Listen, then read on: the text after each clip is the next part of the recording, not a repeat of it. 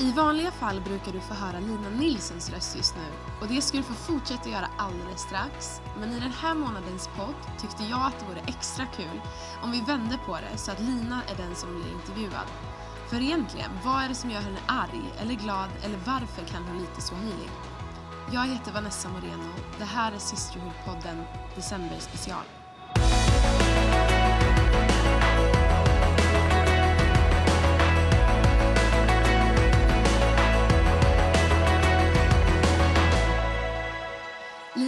Hennes man Andreas är pastorer och leder Hillsong Church Sweden, en kyrka på sex platser. De har två döttrar, Selina Joe och Angelina, och dessutom en enögd hund, Spike. Jag skulle beskriva Lina som en väldigt härlig och modig person som leder oerhört många människor och bygger något som inte många gjort tidigare. Här är vårt samtal. Hej Lina! Hej Vanessa! Hur känns det? Ja, men det här känns sjukt konstigt. Ja. Jag har inte kontroll. Nej. Det gillar jag inte. Nej. Men det är väl jättebra idag. Ja, du brukar ju alltid vara den som intervjuar alla andra. ja. Men eh, jag har sett så mycket fram emot det här avsnittet. Att få äntligen få höra dig. Och jag tror att det är fler som känner så. ja, vad kul. Ja. Kan inte du börja med att berätta, eh, beskriva dig själv med tre ord? Mm. Uthållig, omtänksam och eh, fokuserad. Är det tråkigt? Jag Nej. låter väldigt Nej, det är jättebra. ah, allvarlig, men okej, vi kör på det. Nej, men det, det är jättebra. Vad är det som gör dig glad? Åh, människor. Glada människor. Nej, men det behöver de inte vara. Nej, men att vara med vänner, familj. ehm, ja, det tycker jag om. Jag blir glad av ganska mycket. Mm. kan bli glad av en kopp te. Jag blir glad av att komma till kyrkan. Jag blir glad eh, när jag påminner mig själv. Jag försöker påminna mig själv ofta faktiskt och vara tacksam för saker. Och då när jag kommer ihåg att tack, tacka och vara tacksam, då blir jag också ganska glad för det. Det finns en bok som är helt fantastisk som heter One thousand gifts. Eller A thousand gifts kanske, av Anne Voskamp. Och det, ja, men, det går ut på att det finns så mycket gåvor som man har, som finns liksom runt omkring oss, som Gud har gett oss, som man inte ser. Och sen när man börjar liksom skriva upp tusen gåvor då, kanske som Gud har gett till en. Så här, det kan vara känslan av att dricka en kopp te, eh, ljudet av att gå i grus, känslan av solljuset på armen när våren kommer, vilket vi längtar efter. Ja, men sådana saker. Då börjar man se mer och mer att det finns mycket att vara tacksam för. Oh, wow. Eh, och det har hjälpt mig jättemycket. Ja. Att se liksom. Annars blir det så här, ah, vad är du tacksam för? Ja, min familj, att jag har mat. standard. Och sen kommer man inte på något mer liksom. Ja. Så, Vilken ja, bra grej.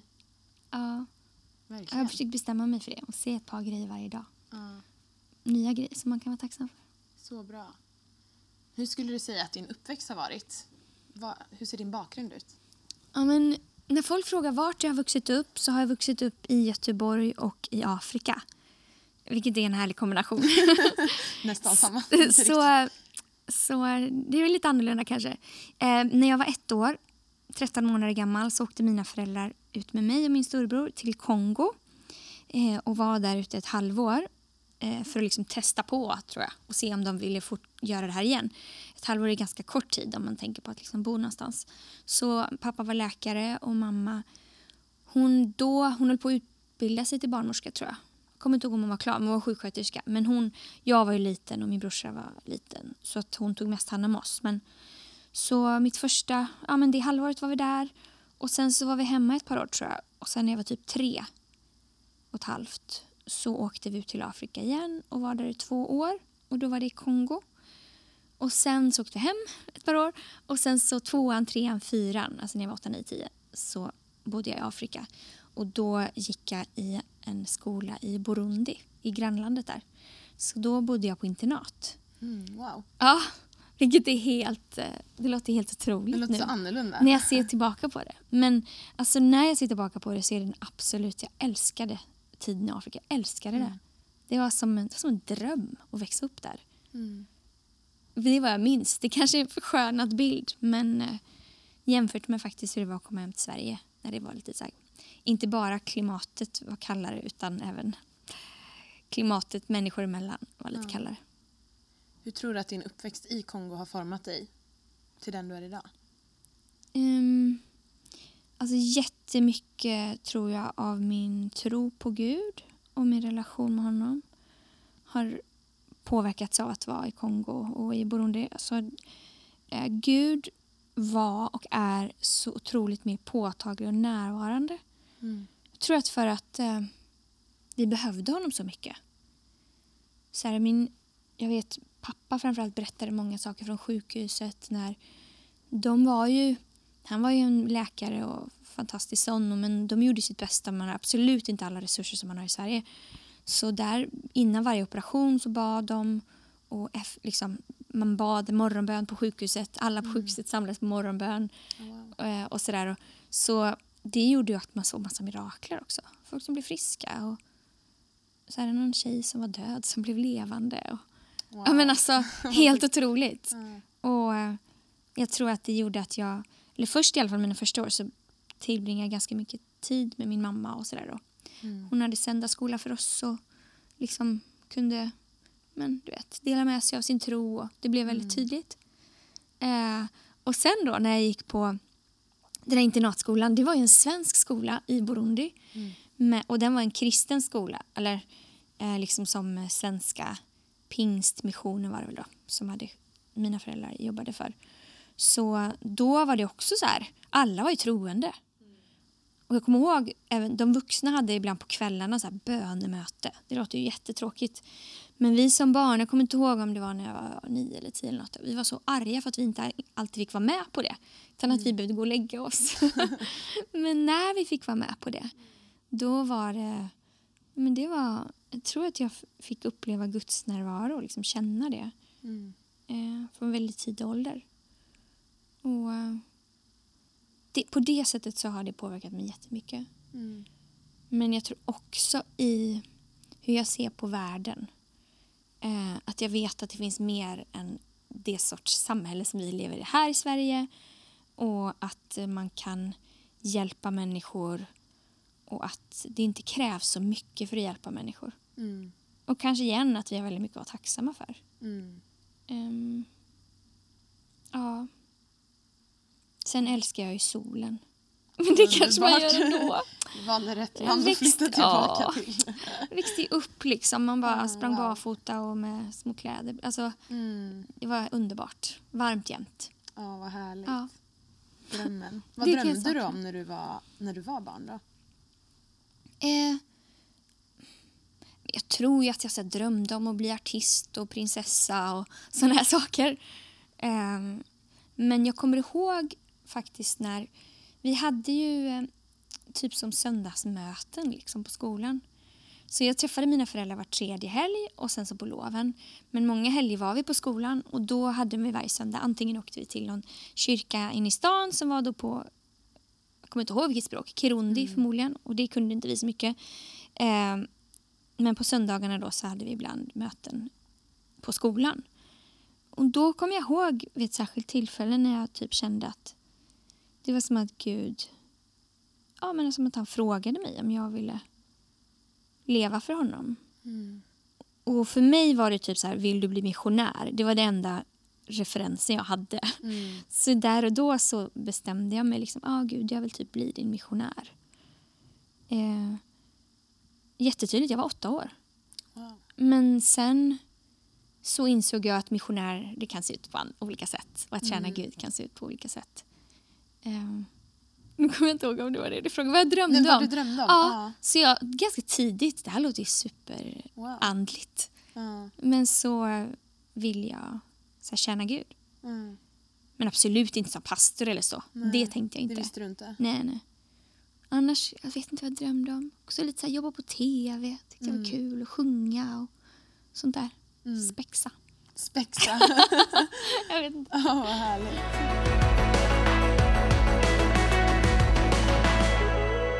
Nu är det en ganska pang på fråga här. Men när visste du att Andreas, som du idag är gift med då, Oj. var the one? Jag hade ju vuxit upp i kyrkan, kan man säga, ganska mycket. Och där fanns det en tendens av att det skulle vara så allvarligt. Att man typ så här det fanns en the one då. Mm. Att det liksom var så allvarligt. Man började veta typ när man började dejta någon när man skulle gifta sig eller inte. I stort sett, inte Mm. riktigt så men. Så då direkt när han kom ihåg när han frågade mig på första dejten kände jag bara, va? Vad vill han egentligen? Så här, kände, du vet, jag bara drog så stora proportioner av att han bara ville ta en fika. Eh, men jag behövde, fick lugna ner mig själv och bara skärp till Lina, det är bara en fika. Eh, jag tror att jag eh, visste det. Ja, vi var, blev tillsammans då. Mm. Sen gjorde vi slut. Sen blev vi tillsammans igen. Mm. Och då, när, han, när vi blev tillsammans igen, liksom, då funderade jag över så här. Då hade vi lärt känna honom och vi visste vad vi ville med våra liv ungefär. Liksom, stora drag och vem han var och sådär. Mm. Så då kände jag när jag blev tillsammans med honom igen, då bestämde jag mig liksom att ah, men okej, det är honom Mm. jag vill leva med. Men det var ju inte så här... Ja, det var ju en process. Mm. Som jag tror att det är för de flesta. Man får så här, jag fick bena ut vad är det jag vill ha egentligen. Och, är han, och vad är det jag trodde att jag ville ha. Mm. Eh, och typ ta bort vissa grejer kanske då. Som man insåg inte Hade var du så en sån här viktiga. som man brukar prata om, en sån här lista? Jag hade en lista. Du hade en lista? Som Andreas alltid är nära av. Men det var inte en sån lista. Så här, Åh, han ska vara snygg, han ska ha muskler, han ska vara en Ja. gudsman, han ska gilla barn. Det var inte en sån lista Nej. kanske. Men jag tror att det kan vara bra att ha liksom, vissa definitioner. Vad som är viktigt. Mm. Vad, man, vad, man, ja, vad som är viktigt för en i livet ändå. Mm. Så det hade jag. Och det är jag stolt över. Ja, det blev ni två ändå. det blev vi. Vad skulle du säga är viktigt om för att behålla relationer i ens liv? Alltså, har du många nära vänner i ditt liv? Hur ser det ut för dig? Åh, vilken bra fråga. Jag har många människor som jag tycker om och som tycker om mig. Det har jag många. Jag har inte jättemånga som jag liksom verkligen släpper in på livet. Eh, och som bara ser mig som mig. Och som inte ser mig som pastor då. Eller någon form av offentlig person. Eller chef eller vad det är. Men jag har vänner som eh, några stycken som liksom jag känner att jag kan vara 100% mig själv med. Mm. Eh, men för några år sedan, en bit in i när vi hade haft kyrka ett tag, då kände jag mig ganska ensam. Mm. Ehm, för det... Vi var ju alltid ledarna. Och jag tror att det finns en risk när man... Att det finns en risk som ledare att... Och ett pris att betala att det finns ett visst mått av ensamhet. Mm. För att man alltid måste gå före. Och att man alltid måste känna att man måste leda och visa på en väg framåt och allt det här. Och folk vänder sig till en med förråd och, och det är ju någonting man väljer men jag hade inte investerat in i relationer som, som bara var för skojs skull. Om ni förstår vad jag menar. Jag är alltid, jag sa väl det, jag är väldigt målinriktad. Så jag hade nog fokuserat på att bygga kyrkan och bygga människors liv och det fanns människor jag tyckte om och sådär men kanske inte prioriterat vänskap för min skull. Som vänner som man bara träffar för vänners skull. Mm. Så då, jag kände mig rätt så ensam. Eh, och då fick jag bara bestämma mig för så här, ja, vilka finns det som är potentiella? Mm. Och så började jag bygga de relationerna. Oh, wow. Jag tror att ibland kan man nog känna att man är där men inte veta hur man gör. Ja. Och det är också... Vi har prat, jag har pratat en del med vänner om vänskap och så. Ibland kan det kännas awkward eller att man... Jag vet inte om man är rädd att bli typ ratad som vän om man försöker sträcka ut en hand och liksom... Ja, vill du ses? Eller försöka skapa djupare relationer.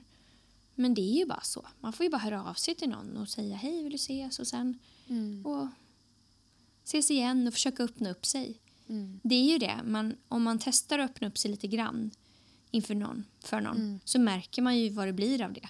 Mm. Om den personen tar emot det och om den också öppnar upp sig och, Mm. och bevarar. Liksom. Så får man väl fortsätta bygga relationen från det. Ehm. Men för mig var det verkligen så. Jag fick så skriva ner, typ definiera. Ja, vilka personer tror jag? Och sen så har det bara ja, utkristalliserat sig. Mm. Ehm. Men det, ja.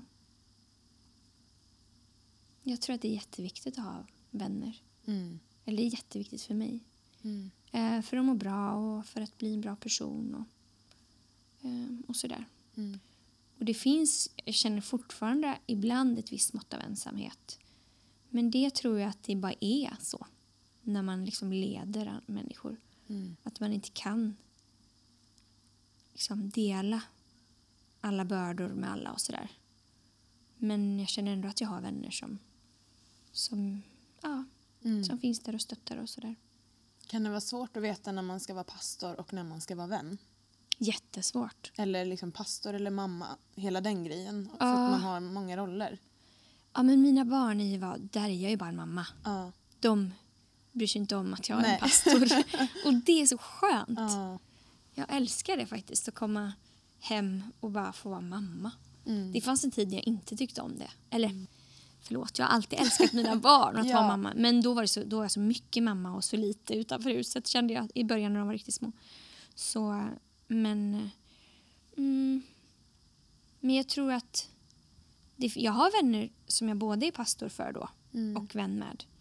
Men de är fantastiska på att kunna ta båda två på något sätt. Mm. Att kunna upp, lyssna på mig som pastor men ändå kunna se mig som vän. Så jag är Mm. väldigt tacksam för det.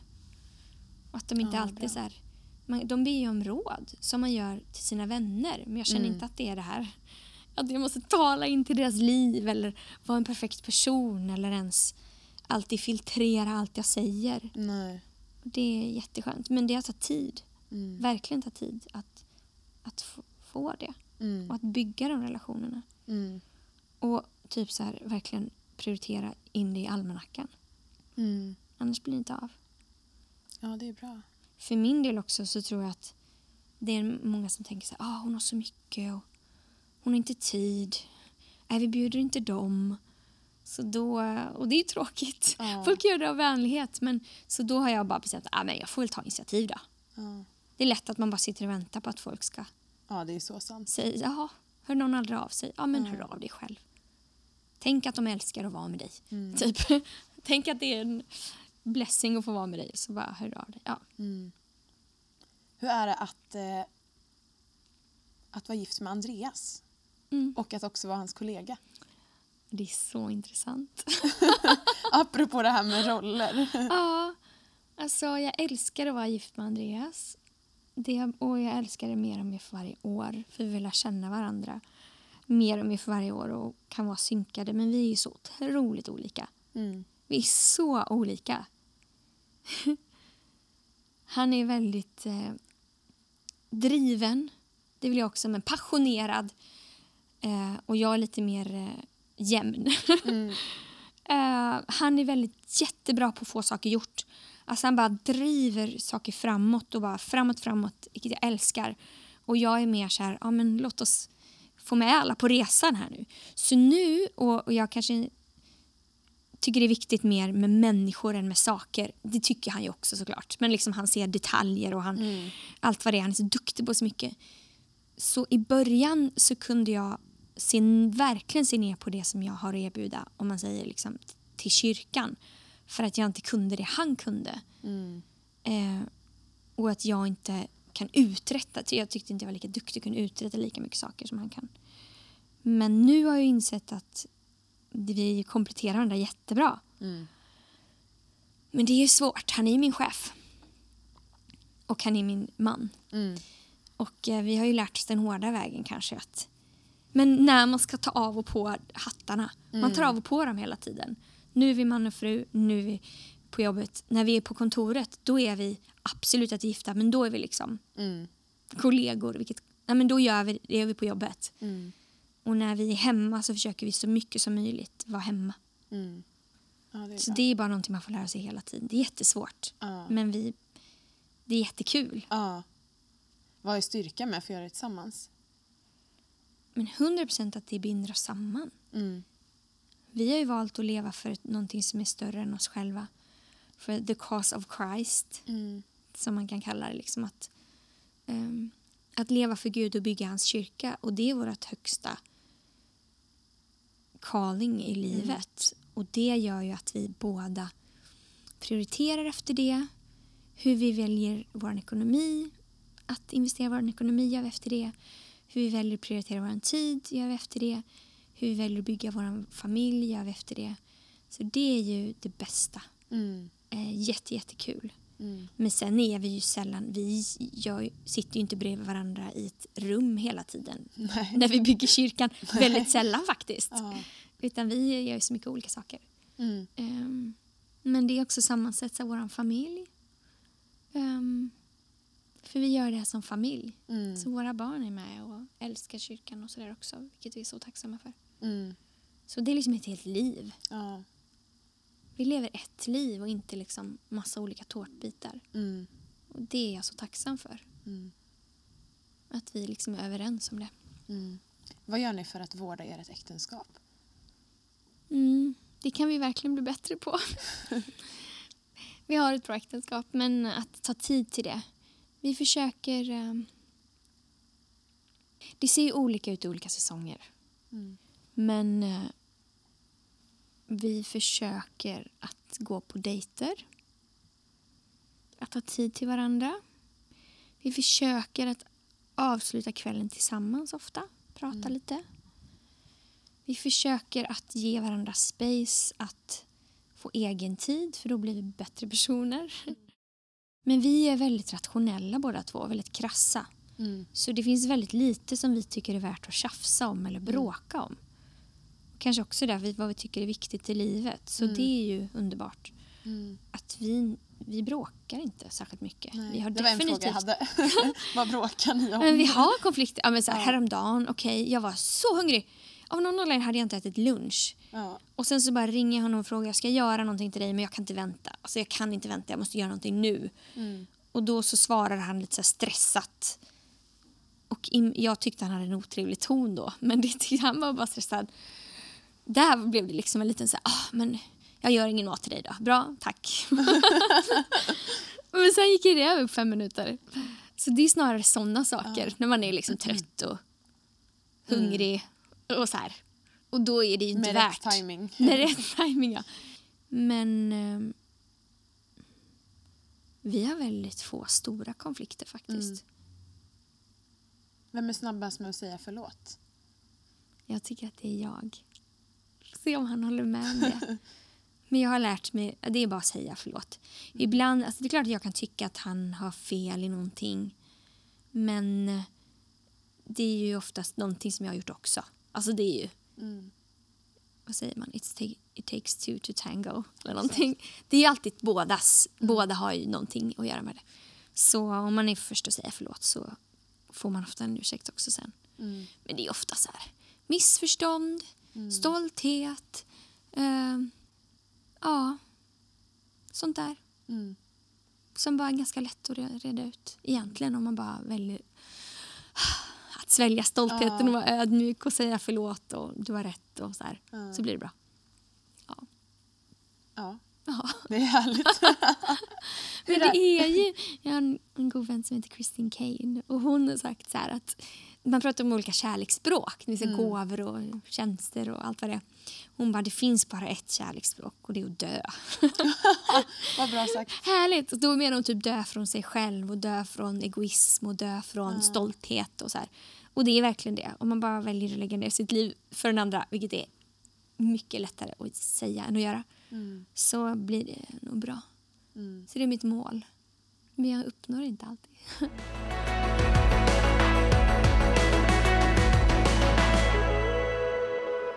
Hur är du som mamma? Ehm, jag ehm, tror att jag... Jag är ganska tydlig och bestämd men jag tror också att jag curlar lite för mycket. Jag är väldigt omtänksam och har rätt mycket tålamod ändå. Får jag säga. Jag tycker om att ha tid med mina tjejer. Spendera tid med dem. Jag lagar mat. jag tycker det är viktigt att äta middag tillsammans. Vi försöker göra det. Vi kan inte göra det varje dag alltid, men vi försöker göra det. Vi gör det ganska, nästan varje dag. Mm. Men sen så blir jag arg och, och skriker på dem och säger åt dem på skarpen och tjatar. Mm. För mycket tror jag, tycker de. men eh, jag tycker väldigt mycket om mina tjejer Mm. och vara med dem. Och, ehm, vi har väldigt kul ihop. Mm. Så ja, Häromdagen spenderade jag med att göra massa läxor. Ja. Nu är det mycket sånt. Ja, plugga kemi och nyheter och allt vad det är. Mm. Ja. Wow. De håller ju på, ena är ju en tonåring Mm. och den andra är ju snart där. Mm. Känner du att du börjar slappna av mer som mamma nu? Eller är det nu det liksom händer? Absolut inte. Nej, det är Man det tror det. växlar upp Ja, istället. alltså på ett annat sätt. Jag hinner ju sitta ner och läsa en bok. Mm. Jag hinner få egen tid. De stänger in sig på sina rum. Så på det sättet så är det ju inte som att när man springer och jagar en bebis från att riva ner hela huset. Typ. Mm. Och att man inte får sova. De sover. Underbart. Eh, Och så. Men det är ju mycket större frågor nu. Mm. Nu är det ju liksom mer ehm, hur man är som person. ehm, saker de brottas med på sin insida. Mm. ehm, vilka vänner de väljer. Ja, också så här, betyg och press och allt det här. Så det är ju... Man säger ju det, små barn, små problem och stora barn, stora problem. Och så är det verkligen. Mm. Men eh, jag tycker om... Jag tycker jättemycket om att de blir äldre. Mm. Jag var nog ingen bebismamma, en del älskar det. Mm. Jag tycker om att lära känna deras personligheter och Mm. även om det är utmanande så är det jättekul också. Mm. Vad är det viktigaste för dig att dina döttrar får med sig i livet? Att de har en egen relation med Jesus. Mm. 100 procent. Att eh, det är min bön. Att de ska lära känna Gud mer och mer för varje dag och att de ska ha den helige Ande som sin hjälpare och att han ska liksom vara en del av deras liv, att de ska prata med honom och det är det absolut viktigaste för mig. Och sen att de älskar kyrkan Mm. och väljer att vara planterade i kyrkan för det, det ger så mycket till deras liv Mm. och det kommer göra att deras liv blomstrar. Mm. Men sen så vill vi att de ska vara generösa. Vi väljer att leva ett generöst liv, försöker hjälpa dem med det. Försöker ge dem lite extra månadspeng så att de ska ha utrymme att vara generösa. Wow, Ehm, vilken bra grej. och också det här att vi vill lära dem att ge tionde och så. Det ger vi också extra så att det ska liksom finnas utrymme för det. Eller utrymme, men vi vill verkligen lära dem. Vi har lagt en budget för dem för att hjälpa dem med det. Ehm, att de ska bry sig om andra människor, att vi lever för andra och inte bara för oss själva. Mm. Det är jätteviktigt för mig. Mm. Men varje kväll, nästan varje kväll, så säger jag så så här till dem att glöm inte att du är högt älskad, underbart skapad och skapad för storhet. Mm. Så det, det vill jag att de ska få med sig. Mm. Och sen jag älskar dig till morgon och tillbaka. Och, ehm, men ja, jag vill att de ska få med sig det. Mm. De är högt älskade, underbart skapade och de är skapade för storhet. De ska göra mycket i livet. Mm. Och ibland så säger de "Mm, jag vet. Men ofta så, så det börjar landa. Mm. Det börjar komma tillbaka. Hur Lina får du ihop hela det här livspusslet? Det känner jag inte alltid att jag får, kan jag säga. Men eh, jag, en del pratar om att man ska försöka hitta rätt balans. Och det tycker jag kan vara svårt ibland. Men eh, jag försöker istället hitta rätt rytm. Och ehm, det står i Bibeln, men det står i en engelsk översättning, Matteus 11.28. Come to me and walk with me. Watch how I do it.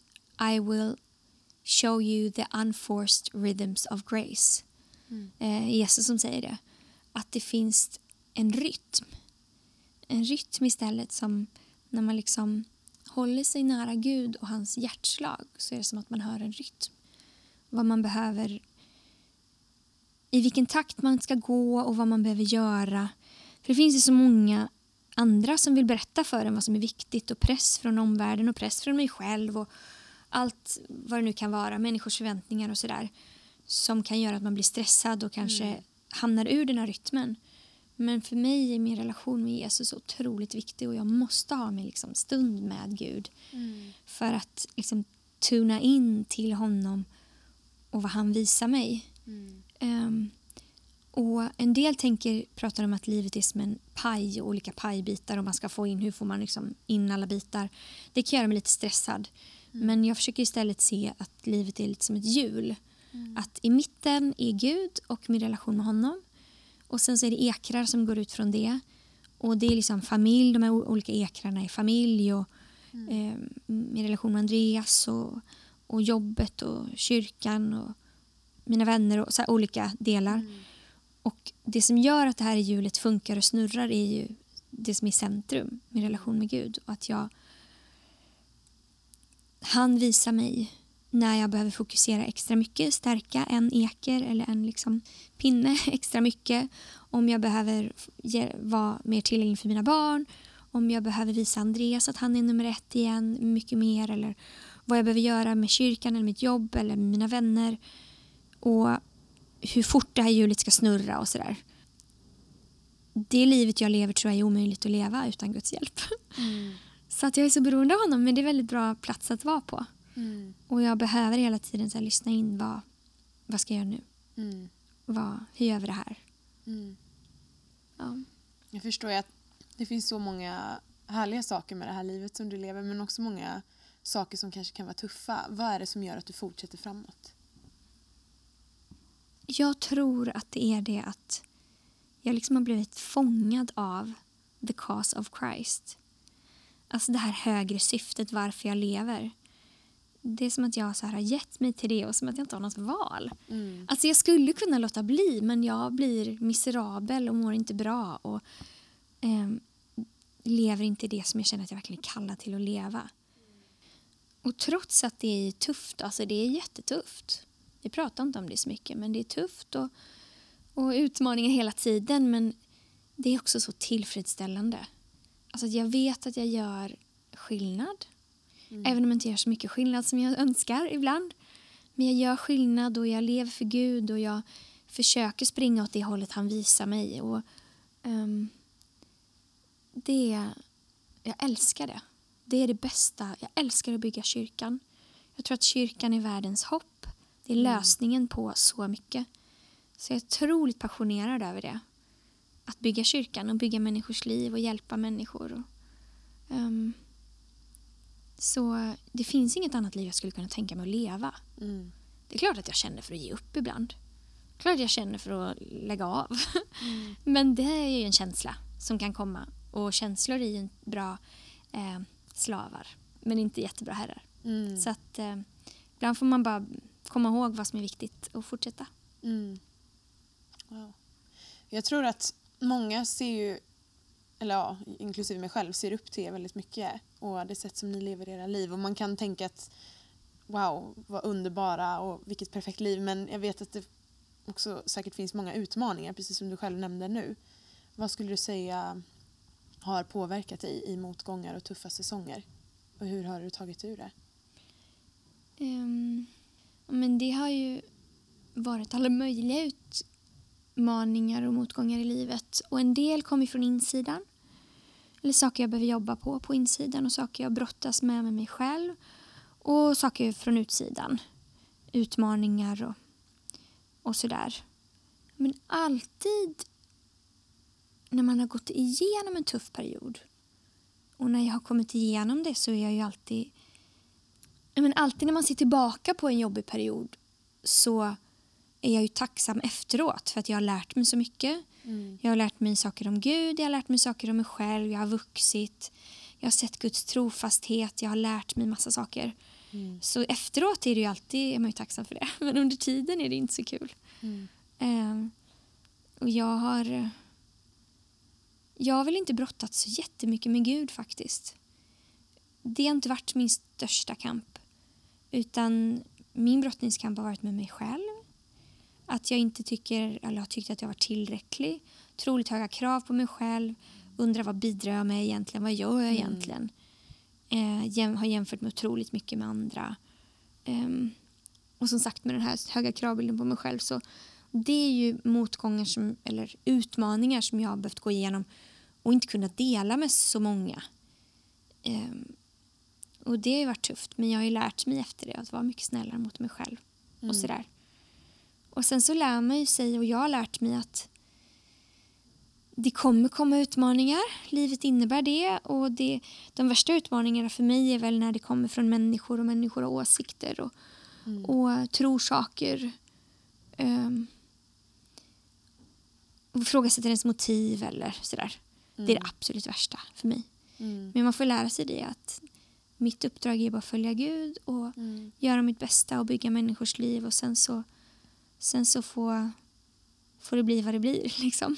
Mm. Eh, alla behöver inte tycka om mig eller förstå allt jag gör eller förstå alla uppoffringar jag gör. Mm. Utan det räcker att Gud gör det och han belönar mig. Men eh, det är ett pris att betala. Mm. Att göra saker som ingen annan har gjort förut. Och, och försöka visa på ett, ett liv som inte så många lever. Och försöka bygga något stort. Och göra saker som hela tiden som man aldrig har gjort förut. Mm. Det är det vi gör, eller det är det jag gör känner jag. När vi startade kyrkan till exempel, då var den ju liten. Vi var ett gäng kompisar och sen så har den vuxit hela tiden. Mm. Så att när jag har vuxit så har hela tiden kyrkan vuxit och tvingat mig att växa hela tiden. Så det är ju superutmanande. Mm. Jag lever hela tiden utanför min comfort zone. Mm. Ehm, men det jag har sett, även om jag har svårt att se mig själv som en stor förebild så har jag ändå förstått att jag visar ändå en väg. Mm. Och jag visar på ett exempel som andra kan leva i. Mm. Utifrån vilka de är som personer och sådär. Och vad kyrkan får betyda för människor. Mm. Ehm, så det är ju värt det. Alla utmaningar är ju värt det. Men det finns ju dagar när man vaknar och känner bara så här. Klarar inte det här. Mm. Klarar inte att se en människa i ansiktet. Jag orkar inte. Jag har ingenting att ge. Jag har gett ut allt. Mm. Jag har inte ett bra, jag har inget gott råd att ge. Jag har värdelöst på att predika. Jag är en dålig ledare. Jag lägger ner alltihop. Typ så kan man känna. Så känner jag ibland. Åh, och man ser på sig själv och hör sig själv och bara åh, det där borde jag gjort så mycket bättre och allt det här. Mm. Men eh, ja, mitt jobb är ju inte att vara perfekt. Utan mitt jobb är att bara göra mitt bästa med vad det är Gud har lagt i min hand. Mm. Ja, Verkligen. och fortsätta löpa uthålligt. Mm. Det lopp som vi har framför oss. Mm. Ja. Vad gör du då när du känner så? När det är en riktigt tung dag? Vad gör du för att leda dig själv till en annan plats? För att fylla på eller för att styra dina tankar? Ja, men jag har blivit mycket bättre på det här. Jag hade en säsong för några år sedan där jag hade varit rätt dålig tror jag på att fylla på Mm. mig själv och min själ under ganska lång tid, under väldigt lång tid. Jag tror att det var när vi hade byggt kyrka kanske sju, åtta år någonting. Och jag eh, hade valt att leva för andra människor. För min familj, för mina barn, Andreas, för andra människor hela tiden och glömt bort mig själv väldigt mycket. Så då kom jag till en plats när jag verkligen kände från dju- att jag var så urholkad. Jag kände från djupet av mitt hjärta, jag orkar inte. Jag orkar inte titta en människa i ögonen och fråga hur det är. Mm. Och jag vill framförallt inte att någon ska fråga mig hur det är. Mm. För jag, jag avskyr att fejka. Jag gillar inte att fejka, jag gör inte det. Men då hade jag behövt fejka. För att jag, jag mådde inte bra. Jag var helt... Mm. Jag hade tappat glädjen helt och hållet. Och in, energin och allting. Ehm, så jag bröt väl ihop mer eller mindre. Men det jag gjorde då var att jag lärde mig att det är viktigt att ta hand om mig själv. Mm. Att jag måste fylla på. Mm. Och jag tror också att det var då jag förstod hur viktigt det var med vänner. Mm. Att det fyller på mig väldigt mycket. Ehm, att vara med vänner liksom. Helt opretentiöst. Mm. Så jag började ju att prioritera det mer, prioritera saker som är, inte fyller någon funktion. Mm. Varje del i mitt liv var liksom nyttig, förstår du? Produktiv, duktig. Alltså jättebra på, jag är jättebra på att skapa scheman och se till att jag så här, använder varenda minut till något bra. Men att jag då så här, ja, jag behöver inte vara så duktig jämt. Jag kan bara Nej. strunta i saker ibland. Ehm, så då drog jag ner på massa saker faktiskt för en tid. Och kom inte lika tidigt till kyrkan och började bry mig mindre om vad folk tänkte. Ja, om mig. Och om jag, jag var rädd att de inte skulle tro att jag bidrog eller att jag inte gjorde något och sådär. Men Mm. så jag behövde fylla på mig själv och min själ. Och det gör jag genom att träna lagom mycket. Inte så att det blir ett krav. Nej. Det måste vara kravlöst fortfarande. Eller lagom mycket krav. Jag gör det genom att läsa. Men det får inte heller bli bara massa krav, bara massa så Nej. ledarskapsböcker och typ. Umgås med vänner, Ja. men väldigt kravlöst. Alltså allt är så här, kravlöst det är nyckelordet. Ja. Ehm, jag tycker om att äta nyttigt och gott men det får inte bli för nyttigt för då blir det bara ett krav. Mm. Så så här lärde mig att, ja, kravlöst Mm. ehm, fyller jag på mycket av. Gå promenader, umgås med vänner och ehm, kolla på filmer och sådär. Så, långt svar. Idag är jag mycket bättre på det. Och att typ ha en, jobba hemifrån en dag och gå hemma liksom och jobba. Mm. För det jag har märkt är ju att när jag tar den här marginalen det är då också Gud talar till mig och ger mig bra, briljanta idéer till, till jobb eller till kyrka. wow. Så ja, måste liksom Mm. skapa utrymme för det. Mm. Så det är inte att du sitter och ska krysta fram en idé utan det kommer ofta när livet händer. Ja, så mycket oftare. Mm. I ett samtal med en vän eller när jag läser en bok eller när jag hänger en tvätt. Ja. eller liksom går runt och plockar och får lite space och typ låter tankarna gå. Mm. Då får jag ju mina bästa idéer. Mm. Jag kan inte komma på någon bra idé. Det blir tomt. Nej men typ så här, när det gäller Systerpodden. Det var Ja. verkligen så här, man går och tänker på saker. Gick i affärer lite och fundera så här, ja. Då i liksom marginalen Ja. så droppar det ner grejer. Ja, wow.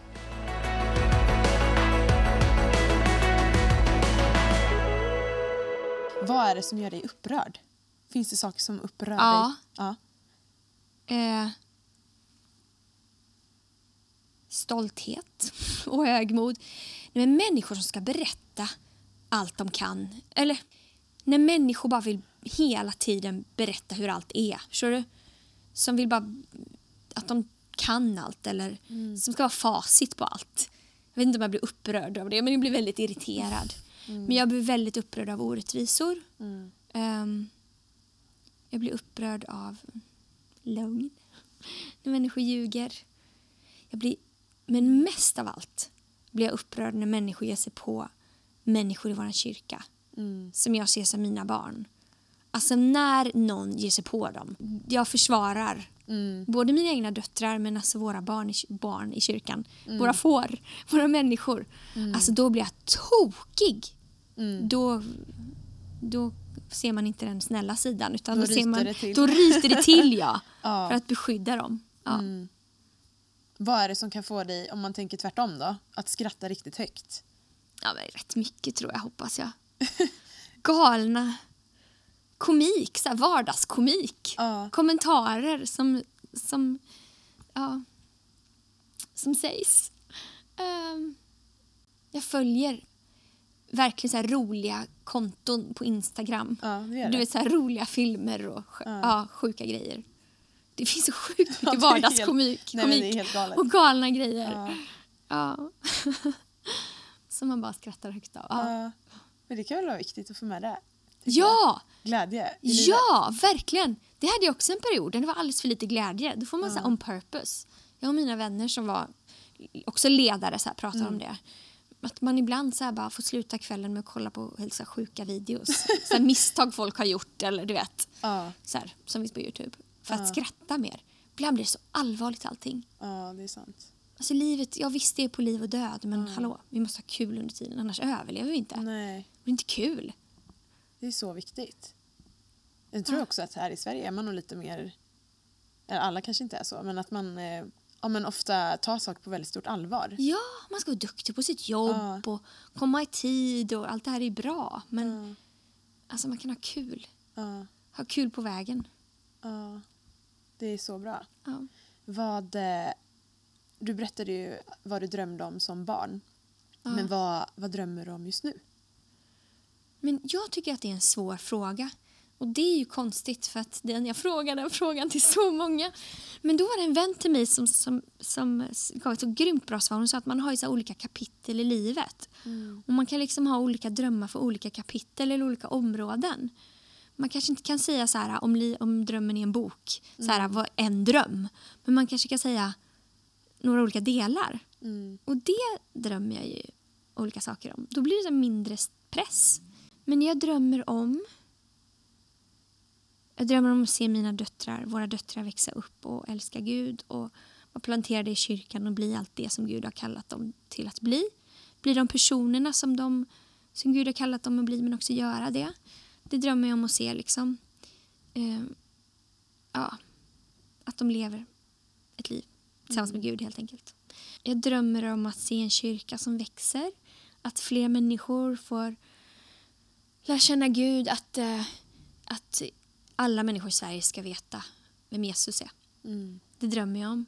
Och att fler och fler ska förstå liksom, hur det är att leva med honom. Inte bara känna till honom utan få en personlig relation och leva ett liv tillsammans med Gud. Jag drömmer om... ehm, ehm, men jag drömmer om massa saker. Jag vill åka till Sydafrika, jag vill åka till New York. Jag vill leva livet, göra roliga Mm. saker. Jag skriver på en bok som jag drömmer om att släppa någon gång. Mm. Eh, jag drömmer om att skapa ett, någon plats dit eh, unga tjejer kan komma Mm. som har det struligt. Liksom. Om det är ett hem, eller om det är ett dagcenter eller om det är en plats. En kyrka, du behöver ju lokal. Kyrkolokal kanske. Dit man kan komma om man är, Mm. om man är ung tonåring och gravid eller om man bara har kaos eller om man har ätstörningar eller vad det nu är. Mm. Eh, jag drömmer verkligen om att hjälpa många unga tjejer. Mm. Um, så jag drömmer om massa saker. Wow. Mm. Ja. Märker du att din dröm har ändrats med åren? Men jag drömde liksom inte, jag hade ingen sån stor dröm om att jag skulle bli världsartist eller som min bästa kompis hade. Mm. Eller vad det nu var. Så, och för jag tyckte heller inte att jag, jag tror att jag inte tyckte att jag platsade Mm. i en stor dröm. Så ja, mina dröm, jag har börjat drömma mer. Men jag har också börjat förstå att varje dröm har en timing och ibland kommer det se annorlunda ut. Vissa av de sakerna jag drömmer om har jag drömt om i 20 år. Mm. Men jag tror fortfarande att det kan hända. Mm. Ehm, men jag kanske, det kanske, jag kanske drömmer mer osjälviskt nu. Än jag drömde förr. Jag hoppas det. Jag hoppas det. Mm. ja. Häftigt. Finns det någonting, när, om du tittar tillbaka på om en, den resa som du har gjort själv, om en med kyrkan, om eh, att växa som person och allt sånt där. Finns det någonting som du, av allt det här, jag kan tänka mig att det är mycket, men är det någonting speciellt som du känner att det här har jag verkligen lärt mig och det här, kommer jag, det här tar jag med mig in i det som kommer sen? Mm. Alltså... Top of mind. För mig har Sisterhood betytt otroligt mycket. Pastor Bobby och alla andra kvinnor som finns. liksom Förebilder. Christine Kane, som jag nämnde, kanske hon har varit en otroligt stor förebild för mig. Och Color Conference och The Sisterhood. Det här att jag kan vara mig själv. Det är meningen att jag ska vara som jag är. Jag behöver inte jämföra mig med andra eller tycka att jag borde ha mer det eller mer det där, vad det nu är. Utan att vara dig själv. Och det har pastor Brian sagt jättemycket också faktiskt. Det är typ det enda rådet han ger. Just be yourself. Och det är så otroligt eh, liksom frigörande, vad säger man? Mm. releasande. Att bara känna så här, ja, jag kan bara vara mig själv. Det har ju lärt mig så mycket. Ehm, och att om jag bara är mig själv och eh, är bekväm i mig själv, lär mig älska mig själv, då kan jag också hjälpa andra att älska sig själva. Då kan jag älska andra. Då kan jag hjälpa andra framåt. Då kan jag bli den som Gud har tänkt att jag ska bli. Då kan jag göra det som Gud har tänkt att jag ska göra. Ehm, då... Och ju mer ärlig, har jag märkt, och sårbar jag vågar vara, ju mer hjälper jag människor. Ehm, så... Nej, men det har verkligen lärt mig att jag behöver bara tack, tacka Gud för den jag är och att han har en kallelse för mig och att eh, jag inte ska låta kanske mig själv eller andra människor definiera det utan bara lita på att Gud har koll på det. Mm. Ehm, men jag har också lärt mig att det, jag kan ju göra så mycket mer än jag tror. Mm. Den största fighten i livet händer i hjärnan, på insidan. Om man bara kan vinna på sin insida, i sin hjärna, vad man tror är möjligt eller vad man tänker om sig själv, vad man tänker om andra eller vad man tänker om omvärlden, då kan man göra det mesta. Mm. Stress till exempel. Så här, jag ibland har jag sjukt mycket på min tallrik. på mitt livs tallrik. Så här, och det jag har lärt mig nu senast är att i början kanske en predikan var liksom det sto- enda stora som jag hade fokuserat på en vecka. Nu kan det vara två predikningar, ett event, eh, massa läxor i skolan, vi ska laga mat, vi gör ett matschema. Nej, Alltså, alltså, Hur mycket stora saker som helst. Och det kan man lätt freaka ut av. Och känna, jag klarar inte det här, jag kommer inte, det kommer inte gå. Men om jag bara vinner i hjärnan, om jag bara tar en sak i taget, då kan jag klara så mycket mer än jag förstår. Så Eh, bra. Och liksom vara 100% där jag är här och nu. Så kommer Gud ta hand om imorgon. Och ta hand om det som händer sen. Mm. Ja, men det är väl en sak jag har lärt mig. Mm. Eh, Jag har lärt mig att jag inte behöver vara perfekt. Att det är bra att jag inte är perfekt. För det gör, ger utrymme för Gud att vara perfekt och fylla upp min svaghet med sin styrka. Mm. Ja, Bra sagt. men jag har verkligen lärt mig att det är så mycket viktigare vem jag är än vad jag Mm. gör. Och det har också hjälpt mig att förstå att när jag jobbar på vem jag är tillsammans med Gud, då kommer det påverka allt jag gör. Mm. Men det tar bort väldigt mycket av pressen i att man måste göra så mycket och vara, vara så perfekt. Mm. Men när man bara jobbar på vem jag är så, så blir det bra på sikt. Mm. Jag har också märkt att folk tittar mycket mer på vilka vi är än vad vi gör. Mm. Och vara någon, det kan vi alla göra, eller hur? Mm. Även om man inte tycker det är tillräckligt. Alltid. Verkligen. Vad skulle du säga, det här kanske är en fråga som jag vet att du har ställt till många i alla fall i podden. Vad betyder Jesus för dig? Nej men allting. Mm. Mina barn frågar mig ibland, älskar du Gud mer än du älskar mig? jag bara, ja! Annars skulle jag inte klara av att vara en- den jag är. Mm. Jag skulle aldrig klara av livet jag lever. Jag skulle inte vara lycklig. Jag skulle inte vara så trygg som jag är. Jag skulle inte ehm, kunna blomstra som jag gör. Jag skulle inte kunna bygga kyrkan. Mm. Eh, det betyder allt. Mm. Det påverkar vem jag är, det påverkar mitt eh, äktenskap, mitt liv, mitt hem. Det är den absolut bästa vännen och bästa relationen jag har. Mm. För allt annat. Ehm. Och jag är så tacksam för, för alla bra säsonger men också alla tuffa säsonger. Och det är så mycket som man skulle, skulle kunna bli en bok med alla tuffa säsonger men det ska vi inte skriva upp. Men för alla tuffa säsonger för de har lärt mig så mycket om Gud. Och de har lärt mig att han är så trofast och han är så kärleksfull och han är så närvarande. Eh, och han är så full av nåd. Mm. Så det är jag väldigt tacksam för. Mm. Han är bäst. Bra. Tack för den du är, tack för den här podden, tack för det du går före i och tack för att du eh, visar att man kan leva ett större liv.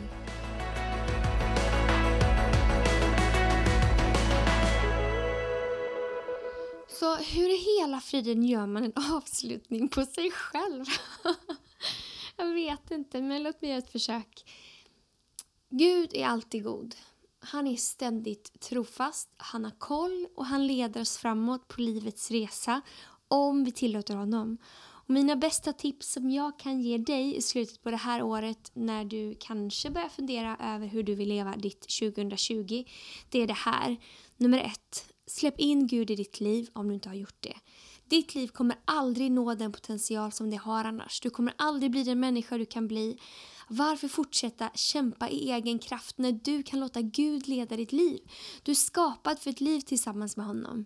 Och Du släpper in honom genom att acceptera det som Jesus har gjort för dig och erkänna att du behöver honom. Jesus han kom till jorden och modellerade vem Gud är. Att han är kärleksfull, att han är närvarande, att han inte är distanserad och hård. Och han visade att han kan rädda oss från oss själva och från ett liv som vi inte är skapade till. Så efter att du har sagt ja till Jesus och erkänt att du behöver honom, då kan du också släppa in den helige Ande. Den helige Ande, det är den här rösten som viskar till dig i ditt inre. Det är Gud som vill bo i dig och hjälpa dig och styrka dig och ge dig frid och mycket, mycket mer. Um, nummer två, bygg relationen med Gud. Ta tid med honom, bestäm dig för att hela tiden lära dig mer och lära känna fler sidor av honom. Tre, Välj att leva för något större än dig själv. Livet blir så mycket rikare då och det får en mening. Nummer fyra, plantera dig i en kyrka. Den som är planterad i Guds hus i en kyrka kommer alltid blomstra, står det i Bibeln. Och man planterar sig genom att göra kyrkan till sin. Man blir en del av familjen aktivt, man kommer regelbundet, man väljer att vara med och bidra. Så är man med. Nummer fem, välj dina vänner och ditt sammanhang. Vilka personer kan 2020 hjälpa dig framåt mot den person som du vill vara och det liv som du vill leva? Vilka personer kan vara friends of your destiny? Alltså vänner som är överlåtna till dig och till din framtid. Om du inte har sådana personer så kan man bara investera i det. Börja inventera vilka som är potentiella. För man blir som man umgås sägs det. Och det stämmer. Jag är så otroligt tacksam för Sisterhood, för det som jag får vara en del av. För Jag hade aldrig varit den jag är utan det. Jag är en sån otroligt vanlig person och människa som bara får ha bra människor omkring mig som hjälper mig att bli bättre.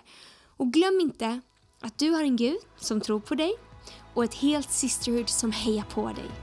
Du är underbart skapad, högt älskad och skapad för storhet.